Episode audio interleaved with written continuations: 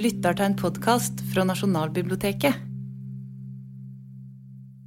Ja, jeg heter Tor Gottaas, jeg er født i 1965. Jeg er folkeminnegransker og forfatter og har skrevet 35 bøker, den siste om norske utedoer. Det er et merkelig emne å skrive bok om, men jeg ble spurt av en som heter Roar Wingelsgaard fra Trysil. Han er kommunalsjef, og han er lidenskapelig opptatt av utedoer. Han snakker om utedoer med tårer i øya, og han hadde lyst til å lage en bok. og jeg har jo vært interessert i utedoer. Jeg er fra Hedmark og Brumunddal. Og vi, vi, vi, hadde da en plan om, om, at boka skulle komme til fjor.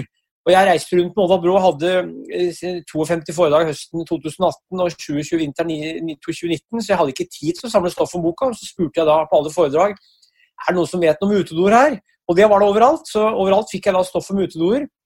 Og det var mye av det samme. Mye gamle kjerringer og gubber som fortalte, men nå ungdommer.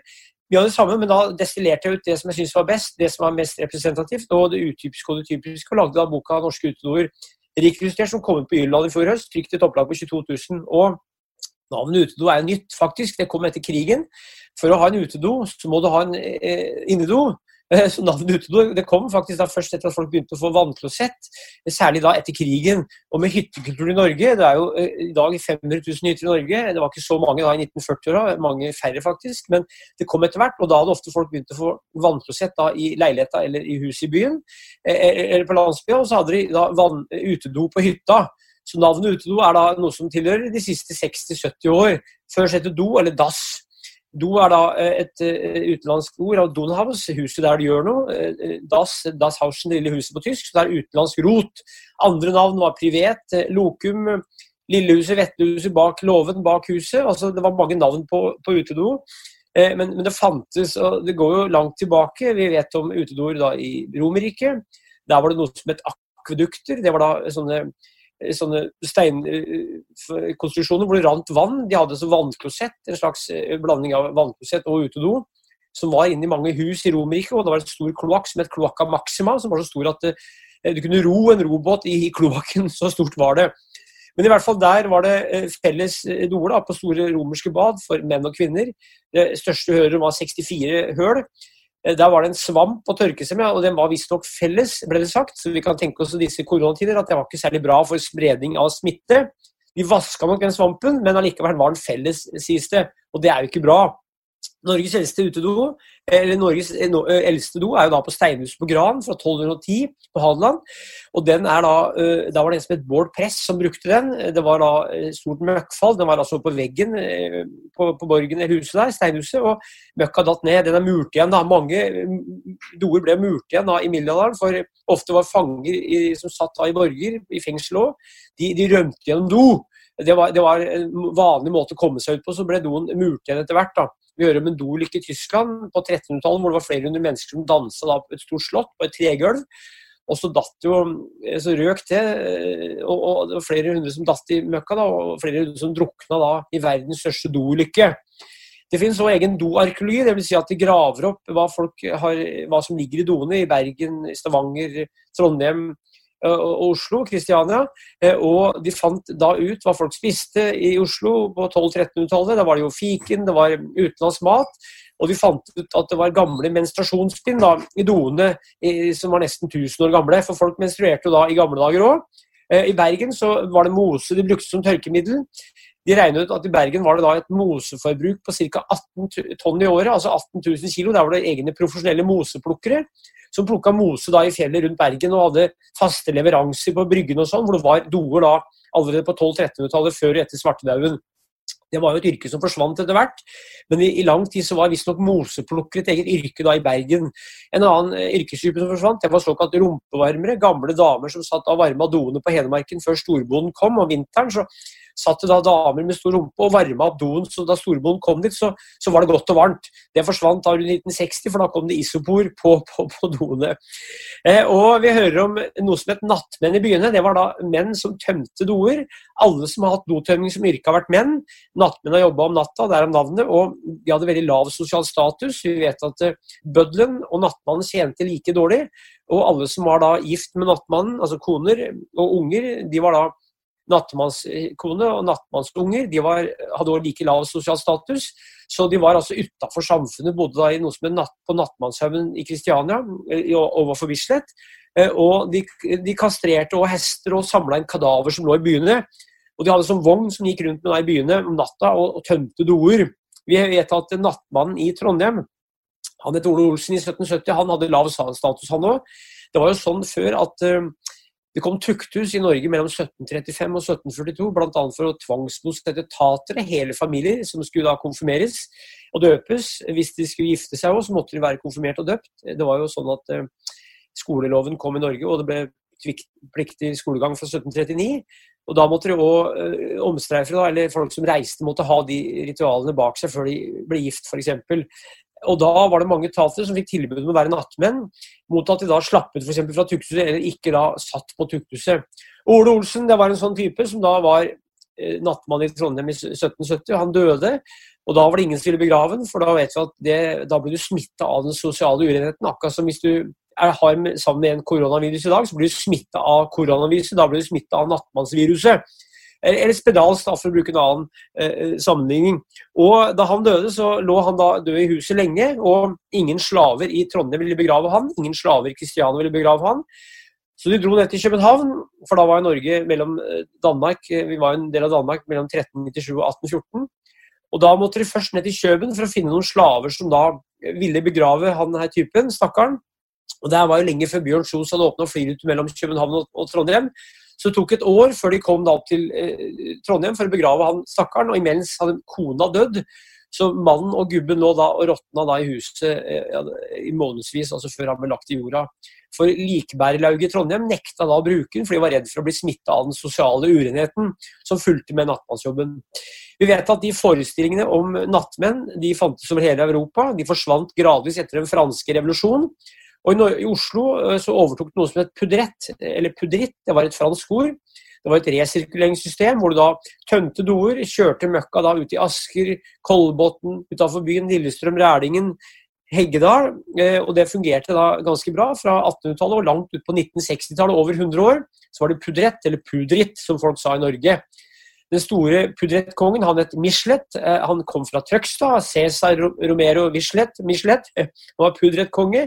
Så det var altså en pudrettkonge. Det ble sagt at han var rik, men han hadde problemer med å komme inn i sosiale lag. for han det lukta, lukta, lukta møkk av, av, formuen. Penga var ikke tjent opp på, på, på renslig vis, mente mange. da.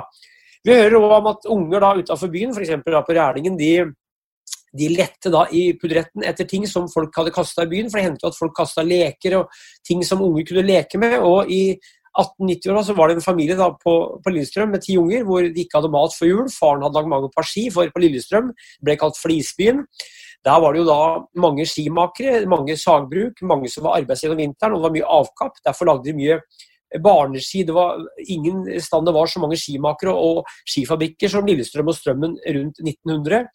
Eh, og det var fin ekstrainntekt om vinteren for håndverkere da, og sagbrukserbærere som var arbeidsløse om vinteren. som lagde de ski før jul og solgte da på Kristianmarken eh, om vinteren, eller da, eller da eh, i byen før jul.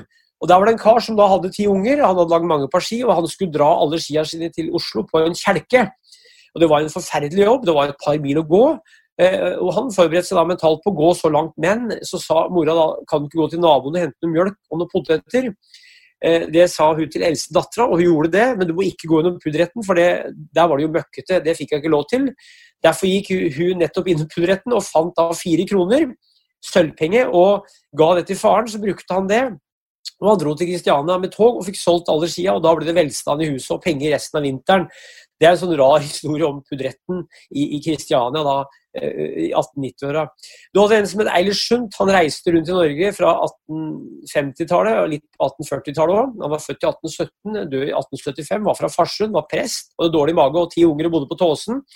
Han reiste rundt da i 1850 og gikk eh, rundt og samla stoff om folkeminne og om folkeliv. Og skrev en bok i 1869 som het 'Om Renslettsstell i Norge'. Der hadde den vært bl.a. oppe i Lom. Der var det altså 5000 innbyggere og ti doer. Det var doer på skysstasjoner, sa han, men folk flest gjorde fra seg her og der. Det var gjerne et system hvor de brukte da eh, i forbindelse med møkka, møkkjelleren, eh, noe, som het gangtun. Det var noe som het midtdunk, det var dunker, det var egne tun eller blandingssteder da, hvor de blanda møkk fra dyr og mennesker og brukte det som gjødsel. Sund skjønte det at for å, for å få bedre hygiene, så måtte du da lære opp kvinnfolk, for, for, før var det noe som het husmødre. Det var noen rare greier. De stelte hjemme og passa på både hus og barn, og kanskje sjuke slektninger. Husmødre. Så husmødre de lærte da om bedre hygiene. Det hadde vært store eh, koleraepidemier i Kristiania. Da trodde jo de at kolera smitta gjennom lufta, men det smitta visst mest, har jeg lest, gjennom vann, drikkevann. Bl.a. fordi ekskrementer fra dyr og mennesker, det var jo ikke bra. Så koleraepidemier som særlig herja i Kristiania, det, det, gjorde at folk ble mer oppmerksomhet på hygiene da, utover i 1860-, 70-, 80-åra. Og husmødre ble lært opp, ble gitt ut bøker om det. Eh, og Norges første vannklosett det ble brukt 2.8.1856, for da kjørte nemlig Skiblaner, juledamperen, fra Minnehuset opp mot eh, Lillehammer og mot Gjøvik og Hamar. Og da, eh, På damedoen der så var det da et vannklosett, Norges første. Norges første vannklosett på land det ble bygd i Kristiania 1858. Familien Andresen, de som eide da tobakks fabrikken eh, Tidemann. De hadde da vannklosett. Det var ikke mange som hadde det i Norge før 1900. Det var på Grand Hotel. Der vet vi at folk kom dit for å se på doen for å trekke opp, som en attraksjon. Og I begynnelsen het ofte vannklosettet for maskindriter. Eh, og Det var mange som ikke ville bruke det. Men altså da i bya var det noen få sånne før 1900. Ikke så mange i Trondheim og Stavanger, men, men flest i Oslo. Dopapir er en amerikansk oppfinnelse, eller egentlig så kom det fra Kina. Vi vet at Keiseren hadde et stort harem som tørka seg både her og der. Og De hadde jo da mange tusen meter med dopapir i året allerede på 1300-tallet. Eh, og i 1850 kom det første da dopapiret fra USA eh, via England. Eh, og Det var, det var lagd da, og kom etter hvert i ruller på slutten av 1800-tallet. I 1890-åra kom det doruller. og Det var òg så klart veldig dyrt, så mange brukte det ikke. Mange hadde ikke råd til det. Det var helt utenkelig at vanlige folk hadde dopapir i Norge før 1900. Men da var det noen som begynte å bruke ukeblader og, og, aviser, for da ble det vanligere med aviser og ukeblader. Og folk leste det, og de, og de tørka seg bak med det. Og Det var sånn skikken med kongebildet på do oppsto. For prins Carl han var en lang, tynn danske, ca. 1,90 har jeg lest. Han kom til Norge i 1905. Han var konge i Norge. Han hadde med en sønn som het Olav, som senere ble konge. og Ofte så sto det bilde av kongepar på sine tre ukeblader. Og da vil jo ikke folk tørke seg bak med kongen. Derfor oppsto det skikk i Norge med å tørke seg da med, med, med vanlig papir på, på, på, på ukeblader, og så henge da opp bildet av kongeparet på, eh, på doveggen. Eh, senere så kom Olav der, og kona, og eh, Harald. Under krigen så hørte mange tyskere at nordmenn var urenslige. Og da fikk de beskjed ofte om å holde seg unna utedoer, for de var ofte vant til da å ha vannklosett i byer. Og de fikk beskjed om å unngå det for å unngå smitte. Derfor så ble utedoen et fristed for nordmenn under krigen. Eh, og mange hang da opp bilde av kongen på do som et patriotisk symbol. Og mange hata jo Vidkun Quisling, eh, og de hang bilde av Quisling under do, så de dreit på Quisling og så på kongen på do. Vi vet òg at eh, i 1941 så måtte nordmenn gi fra seg radioapparater. Og det var jo sånn at hvis du var medlem av NS, kunne du beholde apparatet, men de fleste var jo ikke det. Så nesten alle måtte gi fra seg radioen. Men eh, vi vet òg at eh, kanskje 50 000 beholdt radioen i smug. Hadde den i, på låven, på hønsehuset mange steder. Og mange hadde da en radio på do, eller på utedoen, så de gjemte da radioen på utedoen og hørte da på Radio London, hørte kongen tale fra London med å sitte på en utedo. For dit kom ikke tyskere. De de var så livredde for å, å bli smitta av norske sykdommer. Det var jo mye fokus på smitte den tida der òg. Eh, og Da krigen starta, så er det flere eksempler på da, fanger som har rømt gjennom doer. Bl.a. oppe i Gausdal, eller Mustdalen, altså oppe i Tretten. Så var det da en kar som ble tatt til fange, og han spurte om å få gå på do av tyskere, og han fikk gjøre det. og Hoppa ned i do og løp gjennom skogen og kom seg hjem. I Trysil så var det noen russere som skulle skytes. De skulle skytes i Elverum. Kom da til Osen. Spurte om å få gå på do rømte gjennom do, klatra gjennom møkka og løp i skogen mens tyskerne skjøt vilt i skogen. og De kom seg over til Enberget og over til Sverige og overlevde da fordi de rømte gjennom to utedoer. I Brumunddal så hører vi om ei kone som da søkte tilflukt på en utedo da 19.4, da de tok Brumunddal, satt der i to timer, mens resten av familien var evakuert. Så, så, så doen eh, hadde en viktig rolle eh, under krigen. og da, da finnes det jo bilder i boka av eh, tolv stykker som sitter på en do, eller elleve stykker på en, på på en, elveseter, eller tolvseter. For det var jo sånn at det var store doer på store gårder. De største gårdene hadde de fineste doene. De største gårdene hadde de dyreste doene og flest høl. Eh, og vi hører om på 30-tallet at eh, det er gjort undersøkelser i Sverige om da at kvinner og menn har jo forskjellig dokultur. Og i mellomkrigstida så sa halvparten av svenske kvinner at de hadde hørt om sex og menstruasjonen på en utedo for, første gang av mora si. For det var jo ikke noe forplantingslære på skolen. Folk visste lite om sånne ting, men doen var et fristed for kvinner, for de jobba jo 367 dager i året ofte. Hadde aldri fri. Hadde lite privatliv. Små hus ofte, trangboddhet, mange folk i huset. Eh, og de søkte da tilflukt på, på, do og snakka da sånn dameprat. Det var annen prat på fredag enn på søndag eller lørdag. De, de prata om noe før festen, og fest, etter festen pratet de om ting som hadde skjedd. Det er òg eksempler på at kvinner og menn, altså ektepar, eh, var på do sammen, men da var det mer sånn ekteparsprat. Sånne seriøse ting som, som handla om husholdet, kanskje om unga eller svigerforeldre. Så Det er mye sånn som, som, da, som, som kommer fram, altså at doen faktisk var et sted. For kvinner, er, Det er sjelden at du hører to menn som spør vil du være med på do, men det kan damer spørre om fortsatt. På skoler var det utedo der òg, og da var det mer sosialt akseptert for jenter eh, å, å kikke på gutta, for oftest var det gutter som kikka på jenta, jentene. Men på skolen så var det mer akseptert at jenter kunne da stikke hølet sitt, eh, huet sitt da, nedi dohulet, eller, eller, kikke på en eller annen måte gjennom et kvisthull. Ofte tok unger ut ut, ut um, kvisten da, i, i, i, en planke og et bord, og så så inn på gutter eller jenter. Det var jo naturlig nysgjerrighet. Det er mye rart som har skjedd på utedoer. Folk har jo tatt livet sitt på utedoer. Unger er født der, unger har blitt lagd der. En kar han har faktisk bodd der, eller i hvert fall én, jeg vet om en. Han var da tømmerhøger, og han høgde tømmer opp i Nordre Land. Han var det vi kaller på Hedmarken en alvorlig harding. Han, eh, han eh, var, eh, også brant tømmerkoia, og de andre flytta ned til bygda, men det nekta han. Og da, og da, bestemte han seg for å bo på utedassen, men problemet var at det var jo, den var jo, så, den var jo liten, han var 1,97, så han fikk ikke plass på doen, så han måtte da ligge med huet på dasslokket, og så sank den hull i veggen, og så der hadde han da eh, beina sine ut i ei kasse, da, så han sov med beina ut i ei kasse. Så bodde han to måneder av på en utedo i 1950, og da er du ganske tøff. altså Det var jo kaldt den vinteren der, og det her var jo da mye snø var det òg. Vi vet om ei jente som satt på en utedo nede i Heradsbygd i Hedmark. og hun, det her var under krigen. og Da slakta de en hane på tunet. Hanen løp da rundt uten De høgde han huet også. Hanen løp da rundt uten huet på tunet og kom under dass og opp i dama bakfra. og Det er jo forferdelig. Hun skreik og fikk et sjokk for livet. Det er noe av det verste jeg har hørt. Tenke seg sjøl da å komme på en do og så få deg en hodeløs hane nedenfra. Det er, må være helt forferdelig. Etter krigen så, eh, altså Navnet Utedo etablerte seg som sagt da i 1950, og Einar Gerhardsen han fikk bygd ei hytte på Gålå. Og der vet jeg at eh, Han fikk bygd hytta, men han, han bygde utedoen sjøl. Og da Tage Erlander, den svenske statsministeren, kom på besøk til Gålå på hytta, så ville Gerhardsen vise fram at han hadde bygd utedoen på hytta si. Og Det sto stort slått opp i Bildebladet Aktuell. Derfor ble ordet utedo mer stuerent i pressen, og senere kom navnet utedass, som regnes som litt, litt, mer vulgært.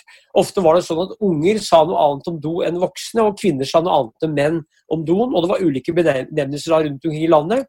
Langs kysten var det egne skikker. Det var jo mange sånne skjær, Dritaskjæret, Møkkholmen, hvor folk da, fiskere eller andre som var på havet, de brukte det som toalett. Havet var et eneste stort toalett, så hvis det var do langs kysten, så gikk det ofte rett ut i havet. Ved Høvåg så var det gjerne to høl på dassen, ett som de satt på, ett som de pilka i. Og i, et sted som het Indre Årsnes, så var det en sånn do da, hvor det var mye ål som levde under en don. For der satt folk og dreit, og de pilka da i det andre hølet havet rundt 1960, den doen ved Indre Årsnes. Så, så, så, så, det var store forskjeller. Det var egne samiske skikker. Det var egne skikker da, det var egne type tak på doa, men generelt er det ganske likt allikevel. Doene er ganske like rundt omkring i landet, overraskende like.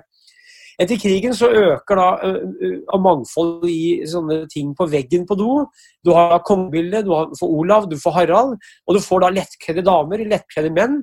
Det var et blad som het Cocktail, som hadde mange eh, pene jenter. Det var noe som het Alle menn, Nye alle menn, aktuell rapport.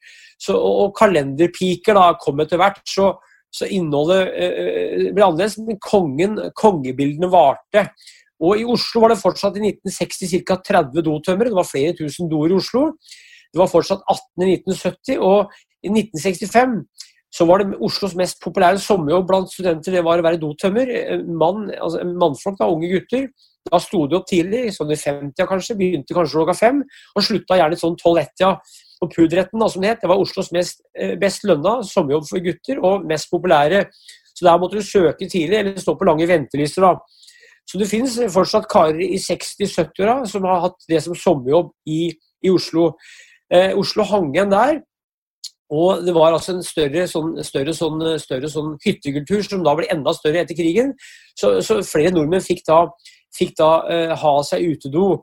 I boka så er det bilde av en utedo på Vestlandet hvor det var 250 meter ned. Altså Norges største møkkfall, som vi sier. da. Der, der datt møkka ned 250 meter, og der har Sonja vært sammen med dronning Margrethe og jeg tror kanskje Klaus Hellberg på, på fjelltur. Så det var altså doer da med, med 250 meter møkkfall på, på Vestlandet.